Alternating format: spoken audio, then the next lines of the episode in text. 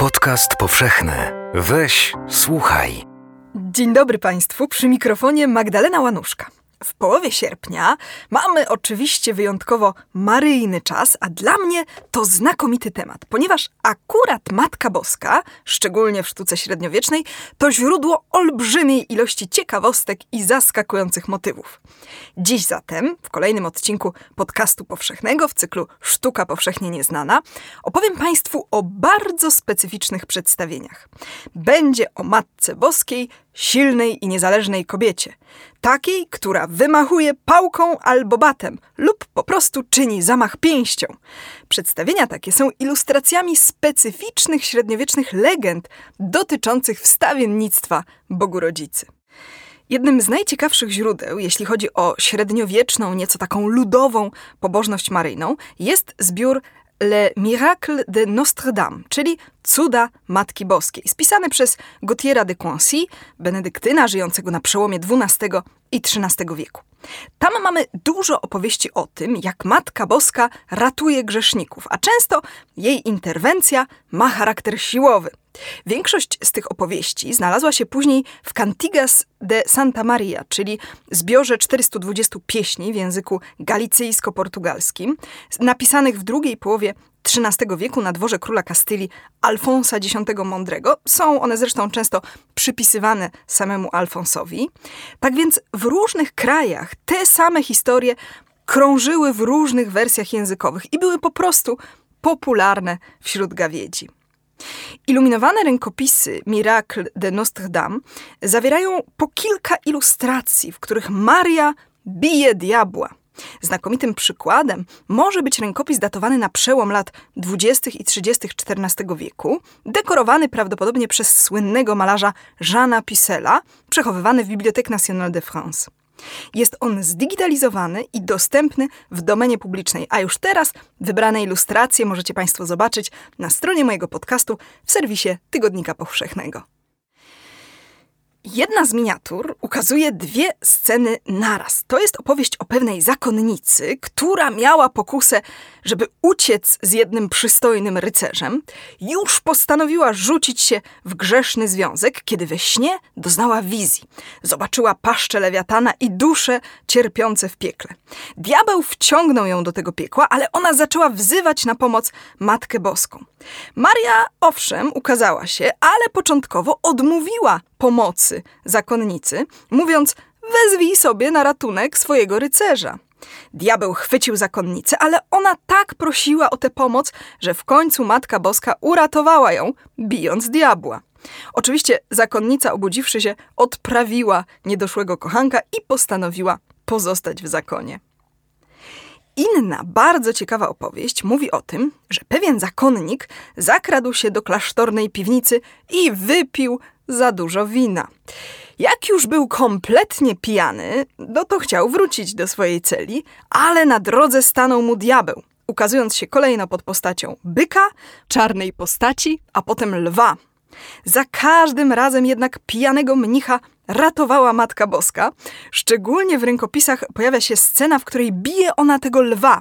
W naszym rękopisie dekorowanym przez Żana Pisela Maria czyni zamach, no chyba swoim welonem, podczas gdy na przykład na marginesie tak zwanego psałterza królowej Marii, to jest rękopis angielski z drugiej dekady XIV wieku, przechowywany w British Library w Londynie, Maria bije lwa czymś, co wygląda na rózgę.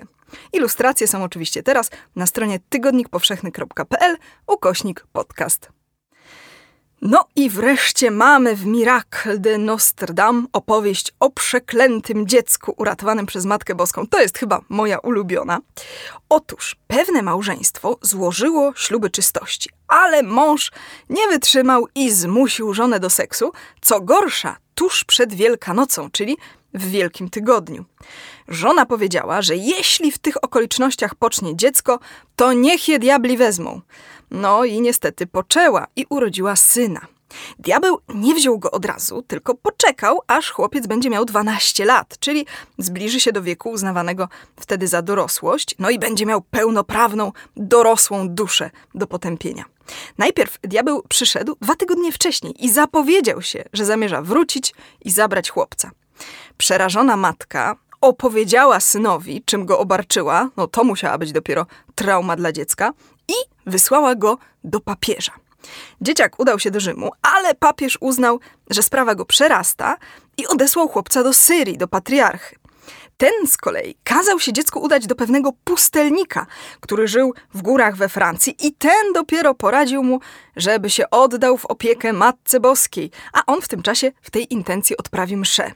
I w czasie mszy diabeł zjawił się i chwycił chłopca, ale Matka Boska przybyła, stłukła diabła i uwolniła młodzieńca raz na zawsze. W większości ilustracji tej legendy Maria używa na diabła pałki, która nieco przypomina kij baseballowy. Na przełomie XV i XVI wieku w sztuce środkowej Italii stała się popularna tak zwana Madonna del Soccorso, czyli Matka Boska Ratunku, którą ukazywano właśnie jako wymachującą pałką. W obrazach często ona bije tą pałką diabła, który próbuje porwać niemowlę albo małe dziecko. I wydaje się, że to ilustracja uproszczonej opowieści na podstawie tej z XIII-wiecznych pieśni. W tej późniejszej wersji po prostu pewna matka w złości przekleła swoje małe dziecko i natychmiast przybył po nie diabeł, no ale na ratunek przyszła także Matka Boska. Uważa się, że popularność tego tematu w tym w sumie wąskim okresie i konkretnym obszarze wiąże się ze specyficznymi nurtami kaznodziejskimi. Z jednej strony takie opowieści mogły stanowić pewnego rodzaju pocieszenie dla ludzi żyjących w czasach olbrzymiej śmiertelności małych dzieci. No, umacniały wiarę w opiekę Matki Boskiej, jeśli nie nad życiem dziecka, to przynajmniej nad losem jego duszy. A z drugiej strony miały promować ideę jak najwcześniejszego chrztu, żeby właśnie każdemu dziecku tę opiekę maryjną zapewnić. Sztuka powszechnie nieznana. Opowiada Magdalena Łanuszka. Kolejną interesującą opowieścią jest legenda o Teofilus Adany, która krążyła w średniowieczu w różnych wersjach, a około 1261 roku Truwer Rutebeuf napisał sztukę pod tytułem Le Miracle de Théophile, czyli Cud Teofila. Generalnie chodziło o to, że niejaki Teofil zrobił karierę i to kościelną dzięki temu, że oddał duszę diabłu. Został biskupem, ale niestety podpisał cyrograf. Pod koniec życia oczywiście pożałował tego czynu i zwrócił się o pomoc do Matki Boskiej. Ona zeszła do piekieł i wydarła diabłu dokument. Przepiękną i wczesną ilustrację mamy w jednym z inicjałów godzinek de Braille, wykonanych w Oksfordzie około 1240 roku. Tam Matka Boska zabiera diabłu opatrzony pieczęcią papier, uderzając go pięścią prosto w twarz. Z kolei w godzinkach Tejmuth, już z drugiej ćwierci XIV wieku, Maria bije diabła batem, doprowadzając go do zwymiotowania cyrografu, który najwyraźniej wcześniej połknął. Przedstawienia Matki Boskiej, pokonującej diabła w sposób siłowy, agresywny, są bardzo ciekawym zagadnieniem w kontekście badania kulturowego funkcjonowania stereotypów płciowych.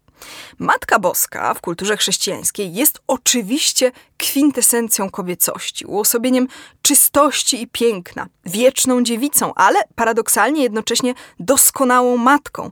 Bardzo często ukazywano ją w kontekście macierzyństwa, stąd olbrzymia popularność przedstawień Matki Boskiej karmiącej dzieciątko.